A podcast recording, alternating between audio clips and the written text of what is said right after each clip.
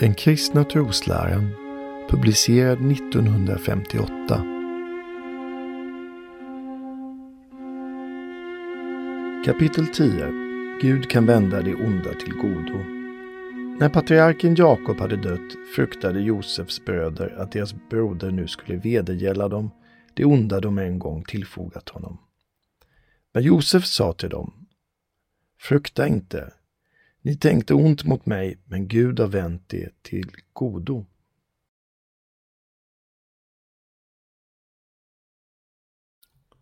Vårt liv är enligt Guds vilja en prövotid. Vi skall här på jorden fritt avgöra oss för honom. Gud manar oss att göra det goda, varnar oss för det onda och skänker oss sin nåd för att vi ska kunna bestå provet.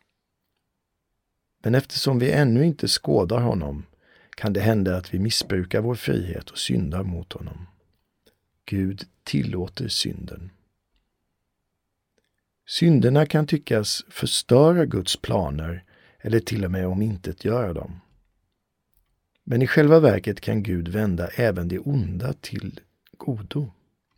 Han styr världen så att det onda måste tjäna hans heliga planer.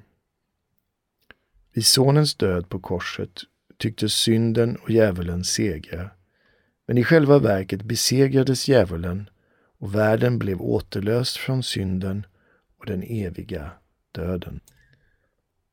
Syndens hemlighet förblir obegriplig för oss så länge vi är kvar på jorden. Men på den yttersta dagen ska vi med förvåning se hur allt ont i världen har tvingats att tjäna till förverkligandet av Guds planer. Till eftertanke. Vad gör Gud för att vi ska göra det som är gott?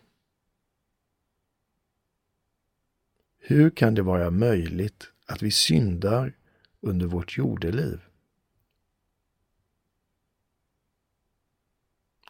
Varför kan inte synden förstöra eller omintetgöra Guds planer?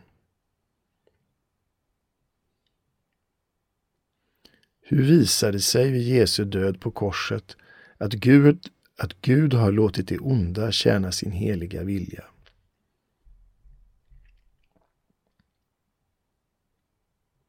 Varför tillåter Gud synden? Gud tillåter synden eftersom han vill att vi frivilligt skall avgöra oss för honom. Eftersom han kan tvinga även det onda att tjäna det som är gott. Levnadsregel När jag ser allt ont här i världen ska jag dock inte tvivla på Gud eller tappa modet, utan bara viss om att Gud kan låta det onda tjäna det som är gott. Jesus har segrat över synden och djävulen.